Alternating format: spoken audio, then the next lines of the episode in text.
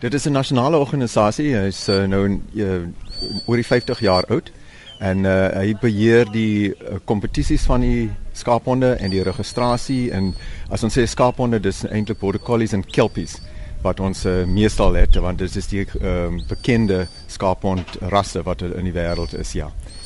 Vertel ons gou van die skaaphond ras, die twee tipes wat jy nou genoem het. Goed, uh, die border collie is die beroemdste seker wêreldwyd. Die kelpie kom eintlik van Australië af. Hy's baie spesifiek. Uh meer 'n kraalhond en uh werk groot trappe, wye werk. Die border collie kom van uh, Brittanje af. Kleiner kampe, die hond moet meer kan dink vir homself om deur uh mure te gaan, om om drade te gaan oor klowe en sulke goed. Ons begin hulle omtrent so 6, 7, 8 maande vat ons na die skape toe. So voor dit is dit net 'n border collie of 'n kelpie. En uh, ons maak dit in 'n skaaphond. Almal is geneig om te sê hulle sien 'n swart en wit hond, hulle sê dit is 'n skaaphond. Dit is net 'n border collie. En uh, jy moet hom leer, net soos 'n kind moet leer om 'n dokter te wees. Uh, omdat sy pa dokter is, is nie so sê hy gaan 'n dokter wees. So ons begin na die stadium is eintlik ons wil 'n jaginstink inkry. Uh, die jaginstink is die belangrikste ding, want uh, sonder dit wil die uh, hond nie die skape werk natuurlik. Wat nou belangrik is dat hulle dit geteel uh, uit honderde jare of deur honderde jare vir 'n herder instink meer as 'n doodmaak instink as ek so aggressief kan ja. praat. En uh, dit is die belangrikste ding wat uh, ons soek. En as ons die hondjie na die eerste keer na die skape toe vat, wil ons sien dat hy belangstel om daardie skape te werk as ek hom so kan stel. Dis eintlik 'n bietjie van 'n jag en ons moet keer dat hy nie die skape gaan seermaak en laat die skape nie die hondjie gaan seermaak want dit werk twee rigtings. En ek kan uh, verstaan as die klein hondjie baie seer kry in daardie omstandighede. Hy gaan bang wees vir daardie dier wat ons seer gemaak het of die omstandighede.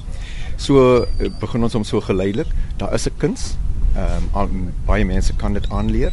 As jy nie 'n goeie herder is dan word jy verstaan nie jou vee is jy op uh, verkeerde voet. Dan begin ons met hierdie uh, uh afrigting. En die meeste van dit is jy wys die hond om te doen.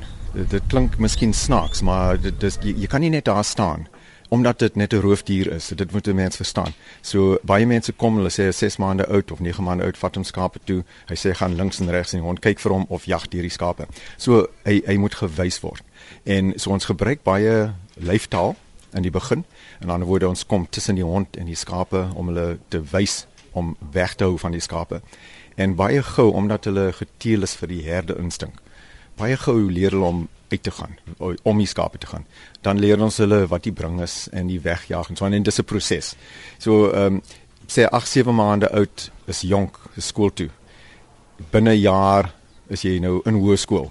Dan kan jy begin bietjie druk op die hond uh, sit en iets meer verwag van hom. Dan kan jy hom uh, vorder en teen die so 2 jaar ouderdom uh, behoort jy 'n goeie hond te hê. Uh, nog 'n bietjie onvolwasse, hy sal nog snaakse dinge doen want jy verstaan nie mekaar 100%, maar na dit uh, dinge val net in plek. En baie keer dinge gebeur dat jy weet nie jy doen dit. Ons doen dit nou baie jare, so ons kyk vir elke ding, maar ou 'n leek wat 'n hond vir die eerste slag.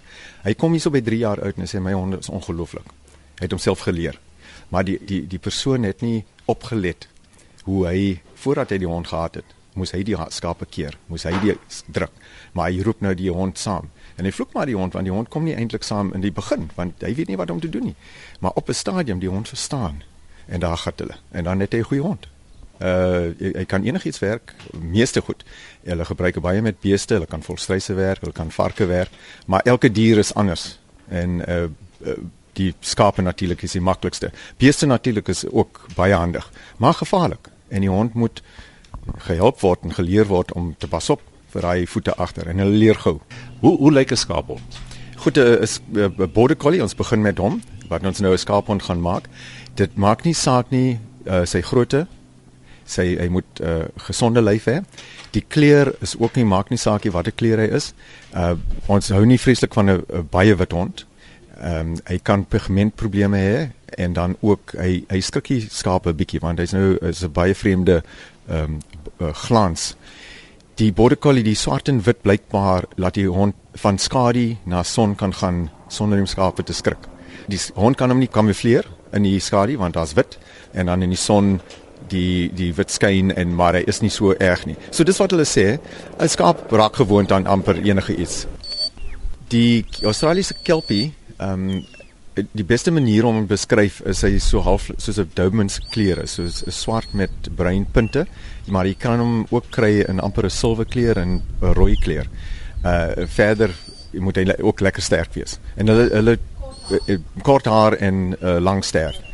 En die ehm um, die manier wat hy werk verder maak nou nie saak nie. Hy, hy moet net 'n sterk hond hê en hy moet natuurlik so intelligent wees as wat moontlik. Waar het die storie begin dat hierdie hond ideaal is vir die werk op 'n plaas? 'n Mens weet nie, ons kan nie gaan presies wanneer dit begin, maar dit was baie lank gelede. In my pa, uh, ek onthou toe televisie eers in Suid-Afrika gekom het en hy die wilde honde gesien jag. En hy daar so vir hom verkyk hoe werk hulle as 'n span. En hy het gesien daar's altyd een wat so half keer en die ander gat in. En hy dink dat oortydse mense lankal het gesien maar daai hond, daai een hond wil die diere terugbring. En hy dis wat hy dink.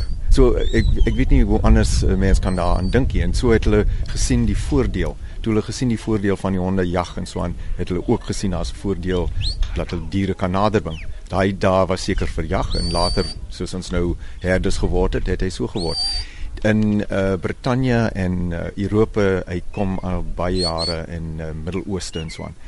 In Engeland die kampioenskappe of die proeflope is nou amper 200 jaar wat hulle aan die gang is.